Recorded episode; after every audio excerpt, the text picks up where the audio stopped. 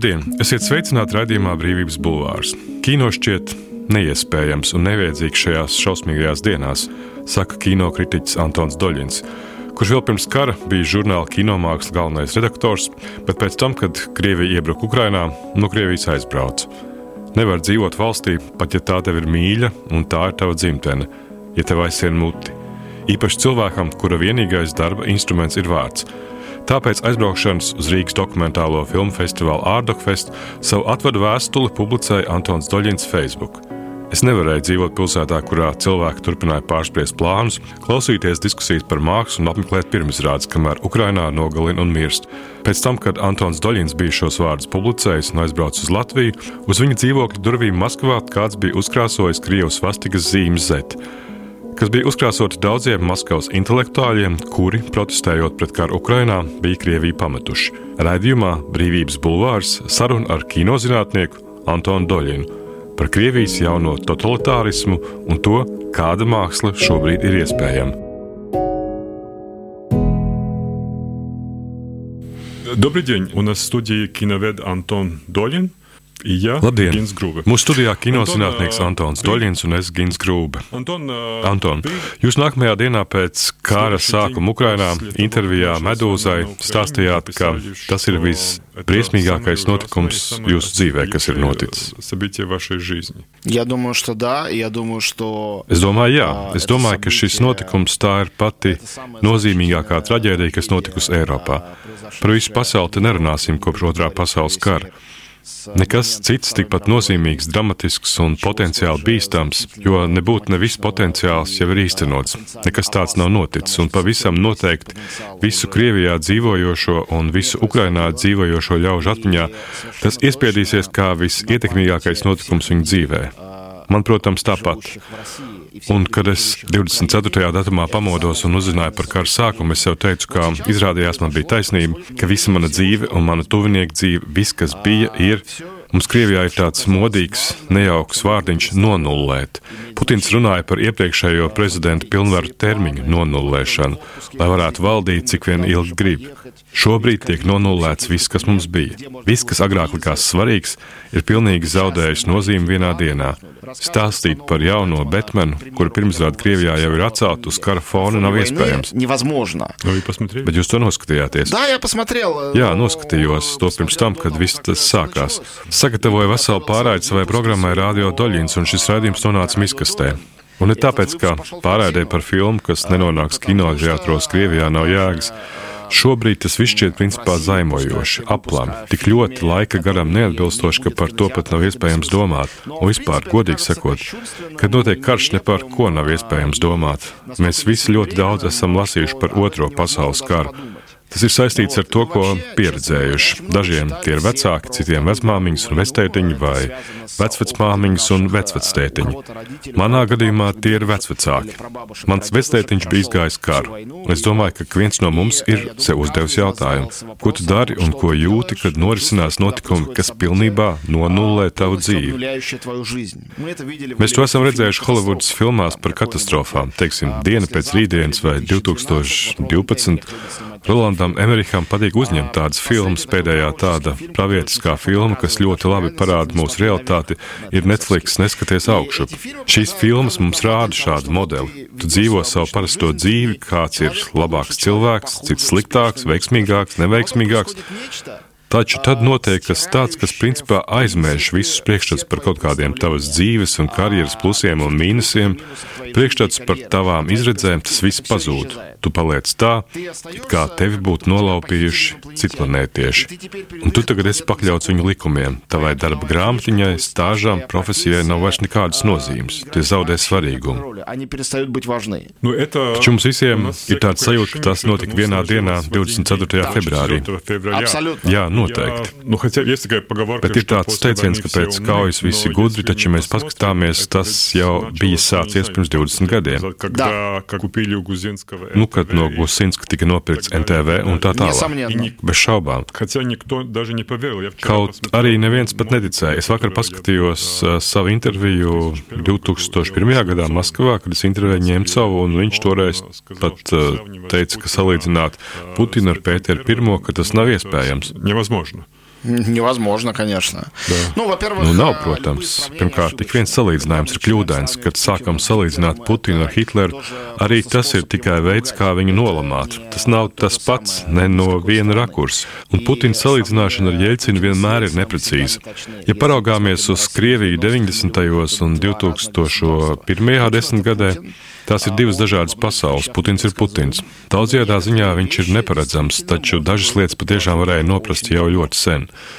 Otrais Čečenijas karš Krievijas pašaziņas līdzekļos netika saukts par karu, kaut arī tajā tika izlietas vairāk asiņu nekā pirmajā Čečenijas karā, ko oficiāli sauc par karu un kas noritēja Jeļcina laikā. Otrais karš, kuru sāk un pabeidz Vladimirs Putins, saucās tikai un vienīgi pretterorismu operācija. Tas bija 2000. gads. Kā jums tas patīk? Pirms 22 gadiem pats Putina valdīšanas sākums. Tolaik viņš ir ļoti populārs. Turklāt ne tikai Krievijā, bet visā pasaulē jauns politiķis un jau notiek šādi tūkstošiem cietušo un mirušo, mierīga pilsētu bombardēšana. Varbūt šīs pilsētas nebija mierīgas, taču gāja bojā mierīgi iedzīvotāji. Pilnīgi necaurspīdīga statistika. Šobrīd visa pasaule atsprāgs atpakaļ, elš un pūš, it kā tas nebūtu noticis jau pirms 22 gadiem. Taču tā jau ir bijis. Visi brīnās un runā. Kā ir tā sanācis, ka cilvēki Krievijā atkārto propagandu tic Putinam, taču Putina valdīšana sākās ar paša populārākā neatkarīgā telekanāla NTV iznīcināšanu, un visas Putina valdīšanas vēsturi var pastāstīt kā pakāpenisku neatkarīgo plašsaziņas līdzekļu izspiešanas un iznīcināšanas vēsturi. Pēdējais punkts bija Facebook un Eho Maskvī aizvēršana vienas dienas laikā, tāpēc tas no vienas puses bija ļoti negaidīti. Neviens negaidīja īstu karu ar asins izliešanu. Pēc Krimas pievienošanas jau aneksijas visiem likās, ka sekos tāda pati Doņetskas un Luhanskas aneksija nekas vairāk. Un Putins ļoti lepojās ar to, ka Krimas operācija noritēja bez asins izliešanas. No vienas puses neviens to negaidīja, no otras, ja padomājam, tas pavisam bija loģiski. Antons Doļins ir Eiropā pazīstams krievu kinokritiķis, žurnālists, vairāk grāmatu autors. Paralēli galvenā redaktora amatam žurnālā Kino māksla Turpina veidot savu video raidierakstu kanālā YouTube Radio Doļins, kā arī sadarboties ar Latvijā bāzēto krievu ziņu portālu Medūza, piedaloties un veidojot grāmatu un kino apskatus. Vēl pirms atbraukšanas no Krievijas savu raidierakstu Radio Doļins veidoja uzrunājot Krievijas kino profesionāļus aicināt iestāties pret karu Ukrainā. Tobrīd piekrita daži. Es nenosodu un nenosūdīju nevienu no tiem, kas atteicās, jo šāda pat uzmanīgi izteikta vārda cena var būt ļoti augsta un pa divām kara nedēļām šī cena ir ļoti pieaugusi. Šobrīd tas varētu draudēt ar 15 gadiem cietumā, stāsta mūsu sarunā kinozinātnieks Antons Doļins. Я смотрел, было в украинском. Es skatījos uh, Ukraiņas televīzijā interviju ar uh, krievu publicistu Juliju Latiņinu, kura, kurai žurnālisti jautāja par to, ka 70% atbalsta Putinu. Nezinu, protams, cik tās aptaujas ir objektīvas vai neobjektīvas, bet tās uzrāda to, ka vairākums atbalsta Putina kursu. Un tas šķiet ļoti liels procents. Un jautājums, kā tas ir iespējams? Te ir vairāk aspektu aspekti. Pirmais. Totalitārā valstī mēs nevaram uzticēties nekādām aptaujām, tā skaitā neatkarīgām. Respektīvi, tāpat kā Padomju Savienībā nepastāvēja socioloģija.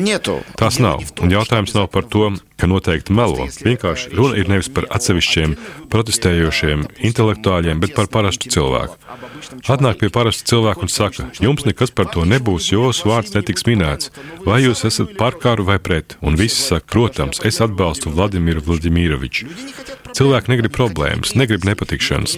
Un mūsu valstī anonimitāte ir mīts. Patiešām cilvēkus noklausās, novēro, ziņo, tas notiek. Runājot par atbalstu Putinam, cilvēki nereti atsaucas uz tiem skaitļiem, cik par viņu balsojuši vēlēšanās.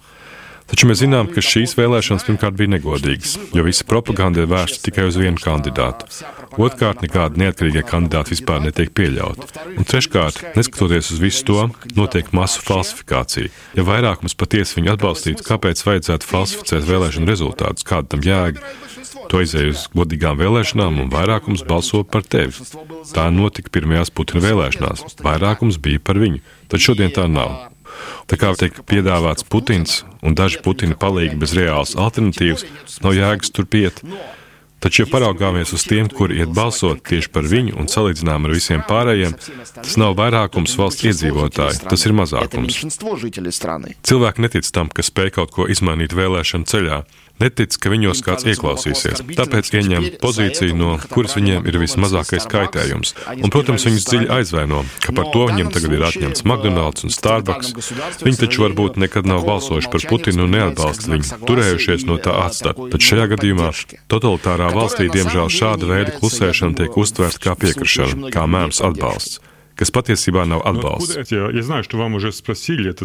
Jums droši vien jau ir uzdot šāds jautājums, bet uh, no kurienes rodas tā milzīgā cietsirdība? Tas taču patiešām nav saprotams, skatoties reportāžus, kur iet bojā bērni un mierīgi iedzīvotāji.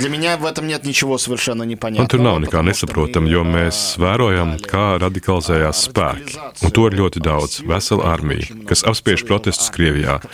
Bieži jautā, kāpēc Krievijā netiek gāzta valsts vara līdzīgi kā Ukrainā. Taču ne tikai. Nevien tas, ka Putins un Janukovičs nav viens un tas pats. Janukovičs ir Putina kājas mazais pirkstiņš. Nevien tas, ka Ukraina atšķiras no Krievijas. Ne jau ar to, ka Krievijā dzīvo vergi, bet Ukrainā drosmīgi ļaudis, bet ar to, ka Ukrainā ir neatkarīga presa, neatkarīgs parlaments, neatkarīgi opozīcijas politiķi, kas atbalsta opozicionārus uz ielām. Toties Krievijā protestētājiem nekā tāda nav. Turklāt ir vēl kāda svarīga atšķirība. Ukrainā, kad sākās Maidāns, armija un policija diezgan pārgāja tautas pusē, katrā ziņā tās daļa. Krievijā tas nav iespējams. Krievijā tā sauktie siloviki, tā ir milzīga armija, kam pamatā ir milzīga nauda. Šiem cilvēkiem tiek izskalotas smadzenes. Viņi ir pārliecināti par to, ka protestētāji ir amerikāņi vai citu rietumnieku uzpirkti. Viņi ir nežēlīgi. Piemēram, Nacionālā gvārda ir atsevišķa armija armijas sastāvā, kas izveidota līdzīgi kā Prišņina Ivana Bargā laikā, lai apspiestu citādāk domājošos. Tieši šī iemesla dēļ nosauciet man kādu jums zināmu valsti, kurā bez milicijas, kas ķer noziedzniekus, bez armijas, kas cīnās pret ārējo ienaidnieku, pastāv atsevišķa armija bruņots karaspēks, kas radīts tieši pilsonisko protestu apspiešanai. Teiksim, iznāk, nezinu, 5000 protestējošo. Kā omanieši. Jā, bet omani ir paredzēts jebkurai spēcoperācijai. Toties Nacionālā gvarda ir tāds kā papildu omans. Iziet 5000 protestējošo, un viņiem pretī stājas, piemēram, 10 tūkstoši šo karavīru. Iznāk 20 tūkstoši protestējošo, viņiem pretī 25 tūkstoši. Un šie cilvēki ir ar ķiverēm, ar stekiem, ar automātiem. Ķivers ir necauredzams, tu neredz viņu sejas. Nav ne uzšovju nekā. Viņi ir pilnīgi brīvi no atbildības. Viņi var piekaut, var nosist. Tu nekad neuzzināsi viņu vārdus, nedzirdēsi viņu balsis, neieraudzīs sejas. Un viņu cietsirdība ir pārsteidzoša. To pārspēja tikai nežēlība izdaudzinātajā Okrestīnas izolatorā Minskā, kad apspieda Baltkrievu protests. Šodien Krievijā mēs redzam to pašu. Viena meitene bija norakstījusi platināšanas ierakstu, kur viņa būtībā spīdzina, draud, izvarot sit. Tāda nežēlība pievērš uzmanību pilsoņiem, kas dzīvo tajā pašā pilsētā. Bez ieročiem, bez nekā jauni cilvēki iziet ielās, viņus sit līdz asinīm, salauž kāju un pēc tam ieliek cietumā. Mēs esam pieraduši dienests, Nacionālā gvarda un tiesas. Arī žurnālistika, kas to visu atbalsta un raksta tikai oficiālo versiju, pie šādas ārkārtējas cietsirdības, absolūtas nežēlības attiecībā pret jebkuriem opozīcijas ieskatiem un protestiem. Tā ir sistēmiska cietsirdība.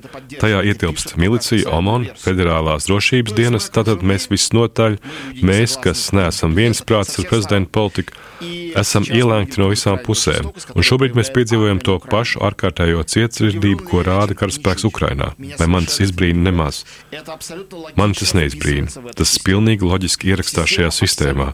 Sistēmā, ko raksturo absolūti cietsirdība pret ienaidnieku no speciālo vienību puses, kas ir ļoti labi apgādāta strādāts un kurās cilvēkiem ir pilnīgi izskalots smadzenes. Jūs pēdējo nedēļu laikā vairāk kārt esat teicis, ka Krievijas režīms nav autoritārs, tas ir totalitārs. Tā, есть, tā ir, protams. Bez tā, ka armija izdara spiedienu uz jebkuriem protestiem, arestē ap 5000 cilvēku. Jā, jau pirmajā nedēļas nogalē, kad sākās protesti. Vai bez tā ir vēl kādas pazīmes tam, ko varētu tēvēt runājat par nu, totalitāro režīmu, ko Padomju Savienībā mēs attiecinājām uz Staļina periodu. Nu, Pirmkārt, šis ir cits režīms, atkārtoju. Manuprāt, analoģija ar Staļinu vai Hitleru vienmēr ir neprecīza. Mēs dzīvojam citā pasaulē, viss izskatās citādi. Piemēram, bez jebkādas vajadzības tiek lasīta cilvēku sarakstu telefonā, tiek pārkāpta privātās dzīves neaizskaramība. Cilvēks aizbrauc uz ārzemēm, pie viņa pienāk, pēc visu spriežot drošības dienas darbinieks, bet nestādās priekšā.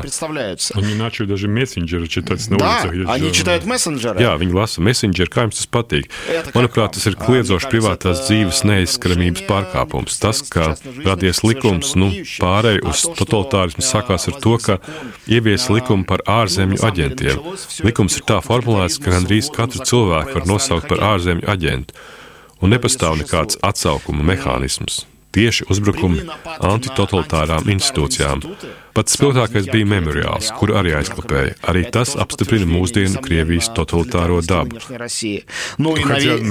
Kaut gan memoriāls tieši nodarbojās ar staļinismu represiju noziegumiem.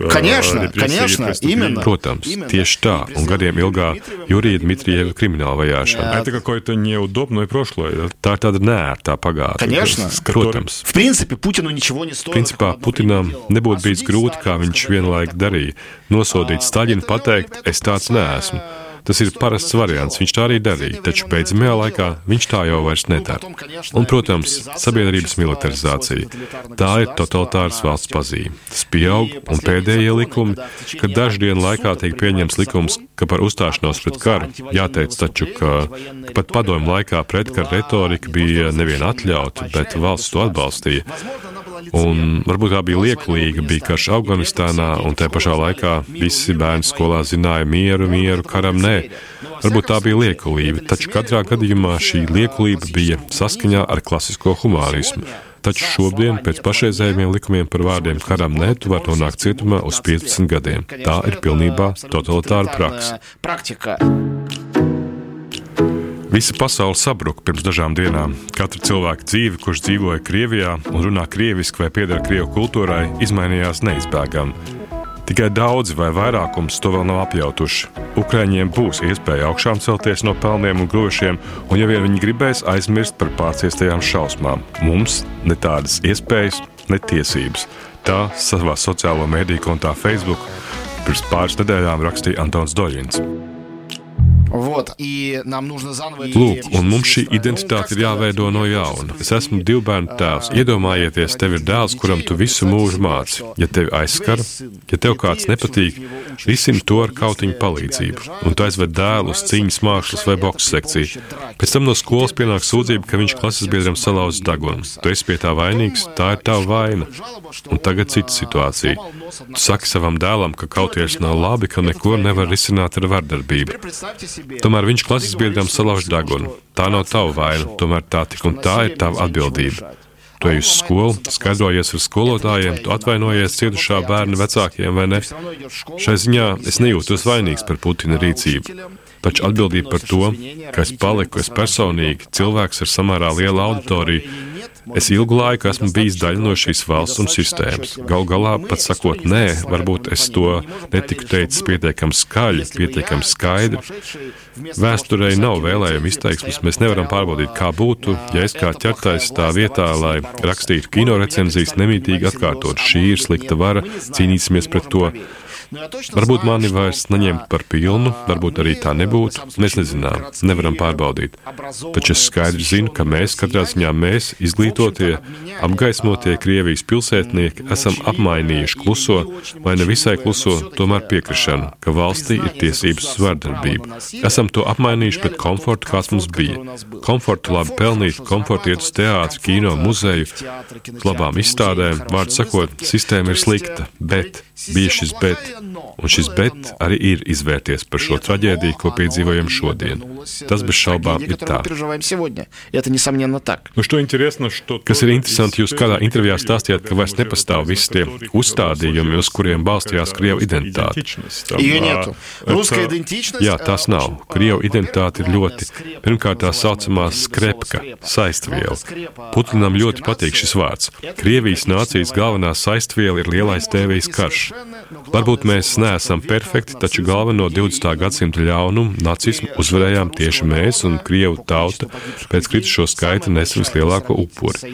To nevar salīdzināt ar sabiedrotajiem angļiem vai amerikāņiem. Mēs atbrīvojām Osvencim, to izdarījām mēs. Nu, un tā tālāk. Ir dažādas nianses, taču to paveicām mēs. Un pats vienmēr esmu bijis pret Staļinu un Hitlera salīdzināšanu. Katrs no viņiem ir nezvērs savā veidā. Taču Staļins vadīja valsts laikā, kad tā pārvarēja šādu viennozīmīgu, neapstrīdamu 20. gadsimta ļaunumu. Taču šodien šī saistviela vairs nestrādā. Krievi kā nācija, kas karo tikai aizstāvot savu zemi un nekad neuzbrūk, tā ir leģenda. Ja paraugāmies vēsturē, tā nemaz nav. Taču tieši šī leģenda, ja apstāsināsiet Krievijā uz ielas skolnieku vai pensionāru, jums pateiks, Krievija nekad nevienam nav uzbrukusi. Krievija nevienu valsti nav iekarojusi. Tā ir tikai aizstāvējusies. Taču šobrīd mēs skaidri redzam, tā nav. Šobrīd nav iespējams turpināt tā runāt, vai arī labi zināmā padomju karavīra statuja Berlīnē. Karavīrs ar automātu un vācu bērnu rokās. Mēs neaizskaram bērnus nekad. Kāpēc tik sāpīgi vienmēr tiek uztverts runas par padomju armijas izvarotajām vācietēm? Tāpēc, ka tas izjauc šo leģendu. Nē, tā nebija. Neviens netika izvarots. Lūk, par to nedrīkst runāt. Taču šobrīd Putins, izmantojot vārdu nacisms, ir izjaucis šo mītu. Šobrīd mēs uzbrukam un iekarojam, izmantojot otrā pasaules kara uzvarētā retoriku, un tas nonulē nācijas lepnumu par uzvaru 1945. gadā. Nav skaidrs, kā lepoties ar to, ja to paveic citi cilvēki, kas vairs nav dzīvi. Taču šodienas cilvēki, kas izliekas ar parādēm, ir gadu sarkanajā laukumā. Izliekoties, ka viņi tiem seko pa pēdām, viņi dara kaut ko pavisam pretēju. Viņi nogalina mierīgos iedzīvotājus, sievietes un bērnus, viņi iekaro svešu valsti.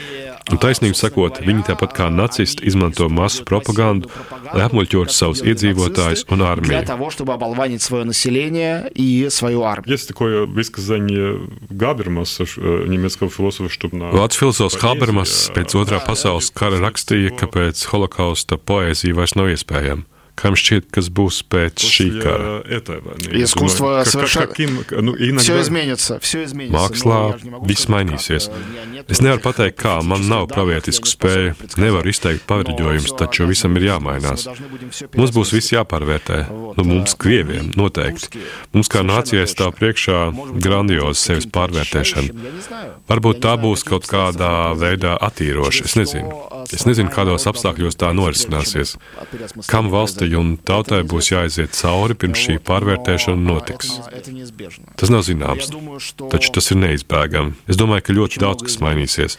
Es redzu, kā šo konfliktu pārdzīvo un kā tajā iesaistās vācieši. Zināt, Es domāju, viņiem tās ir liels pārmaiņas. Viņi vairs nav tā nācija Eiropā, kas pēdējā sagādājas ciešanas citām Eiropas nācijām. Šalts jau par to runāja. Tā ir, tā ir. Viņš šo nastu šobrīd nodod mums līdz nākamajam tādam konfliktam, kas, es ceru, nekad nenotiks. Tātad sanāk, ka šo nastu mūžīgi nesīs visi Krievi. Viņi to vēl nav sapratuši, vēl nav apzinājušies. Viņi vēl aizvainoti runā. Tie jau neesam mēs, mēs nebalsojām par Putinu. Putinu. Tā ir, taču cilvēki, kam Krievu valoda asociēsies ar agresiju, ar mierīgu iedzīvotāju slepkavošanu, viņi nešķiros. Lūk, tāpat kā vācu valoda pārstāja būt tikai Gētas un Šillera valoda un kļuva par Hitlera valodu. Kā Vāgnera mūzika pārstāja būt tikai Vāgnera mūzika. Diemžēl tieši tas pats notiks ar lielo krievu rakstnieku un dzējnieku valodu vai lielo krievu komponistu mūziku. Tas ir gandrīz neizbēgami. Un es par to runāju ne jau tāpēc, ka es to vēlētos. Es kā kultūras vēsturnieks vēlos no tā izvairīties. Turklāt starp krieviem ir arī diženi miernesēji, tas pats Dostojevskis ar viņu ideju par noziegumu un sodu. Un, protams, Tolstojs ar pretkaru ar šo ļoti izteikto pacifistisko doktrīnu. Tad šobrīd tam visam nav nozīmes. Но сейчас это все не имеет значения. А почему Толстой умер? Tolstojs ir miris. Нет, ну, Толстой умер, конечно. Nē, nu, Tolstoj, protams, ir miris jau sen. Starp citu, es redzēju šo lielisko joku, ar ko visi šobrīd dalās, protestējot pret vārdu karš aizliegumu. Tās grāmatiņas, hrestomātiskie izdevumi ar Tolstoja portretu, kas ir katrā veikalā, un uz tām rakstīts pēc operācija un miers. Tas, manuprāt, ļoti labi parāda Tolstoja lomu šajā visā. Bet Tolstojs, protams, bija izteikts impērija pretinieks. Viņa skatījumā Krievi bija pret impēriju, bet šīs agresīvās impērijas iemiesojums bija Napoleons. Redziet, Arī tas tagad mainīsies, arī šis priekšstats mainīsies. Nu, tas varbūt nav metafizisks jautājums, drīzāk jautājums jums kā kinozinātniekam. Pagājušajā nedēļā Ņujorkā rakstīja, ka Zelenskis vada karu ar balsi. Un, ja atceramies, no kurienes vispār nāk Valdemirs Zaļenskis, atceramies viņa seriālu Tautas kalps, kā šo kino uztver. Un visu, kas ar viņu noticis, skaidrot no šodienas viedokļa, jo daži saka, ka radies jauna tipa līderis Eiropas politikā. Es pilnīgi piekrītu. Piekrītu, Zaļenskis ir pilnīgi jauna figūra politikā, ko ir ļoti interesanti pētīt. Jūs rakstāt, ka Zaļenskis ir Hektors. Hektor, Jā, tāda antīkā nozīmē nozīmē. Hektors ir ne tikai antična figūra, bet arhitekts. Hektors ir nevien antīka, bet arī arhitipiska figūra, kas izgājas cauri. Borges rakstīja, ka pastāv tikai četri stāsti. Viens no tiem ir stāsts par aplenkto pilsētu, par Troju. Viduslaikos Hektors skaitījās ideālais bruņinieks. Kāpēc viņš nav Ahilejs? Ahilejs taču ir stiprāks par Hektoru un uzvarēja. Kāpēc Hektors? Tāpēc, ka Ahilejs sadusmojas gūsteknis Briseīdas dēļ un atsakās karot. Tad viņš tomēr dodas karot, taču viņu vada atriebnieks atriebība par nogalināto draugu Patroku. Toties Hektors ir priekšzīmīgs. Viņš cīnās par savu pilsētu. Viņa ģimene nebūtu nav nevainojama. Viņa brālis nolaupīs svešu sievu. Taču Hektoram tas nav svarīgi. Viņa gods ir aizstāvēt savus pilsētas iedzīvotājus pat par savas dzīvības cenu. Es domāju, tas ir ļoti spēcīgs tēls, spēcīgs arhitekts, kas caurauž visu Eiropas kultūru. Zelenskis ļoti labi to šodien iemieso.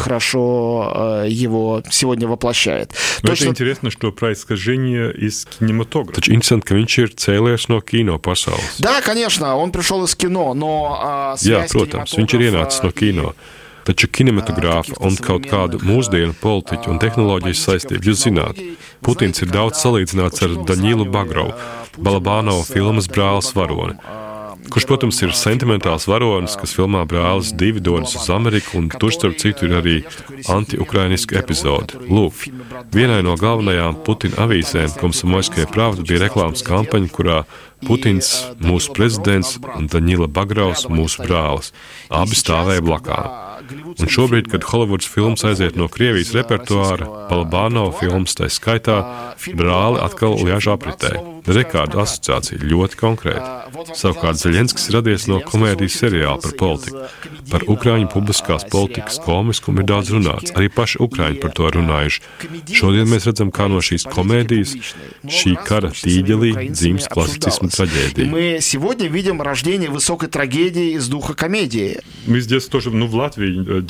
Latvijā pēdējā laikā cilvēks spiež vai kultūrai būtu iespējams ietekmēt šos procesus. Es šodien lasīju kādu vecu interviju ar Kiru Murātovu, kurš šaubījās, vai māksla spētu ko mainīt. Jā, tožā, jā, tut s Kirai, jā, s nesaglāsim. Es arī, es pievienojos Kirai pilnībā, piekrītu. Man šķiet, ka māksla ir kaut kas ārkārtīgi jaudīgs, taču īsta māksla tā nav propaganda, tā nav lineāra, to nevar viennozīmīgi nolasīt. Māksla aicina cilvēkus nevis pakļauties, bet domāt. Māksla aicina reflektēt. Tāpēc māksla gandrīz nekad neietekmē masas. Māksla atstāja ietekmi uz individu un indivīds, kā to paveicis Putins vai kā to dara Zaļenskis, var mainīt vēstures gaitu. Taču iedomāties, ka kāds radīs tik spēcīgu filmu vai tik spēcīgu grāmatu, kas cilvēkiem liks nomest ieročus un beigt karot, tas nav iedomājami, tā ir utopija. Nekāda māksla nevar apturēt karu, diemžēl, vai to palēnināt. Tāpat nevar arī iesākt karu taču māksla var kaut kā ietekmēt cilvēku, kas sāks karot. Lūk, tādi gadījumi, manuprāt, ir piedzīvoti daudzkārt. Mm. Spasība. Spasība. Paldies! Tas bija kinozinātnieks Antons Doļins raidījumā Brīvības bulvārs. Spasība. Studijā bija es, Gins Grūbe, raidījumu montēja Norma Mitspapa, ieraksts Toms Šits.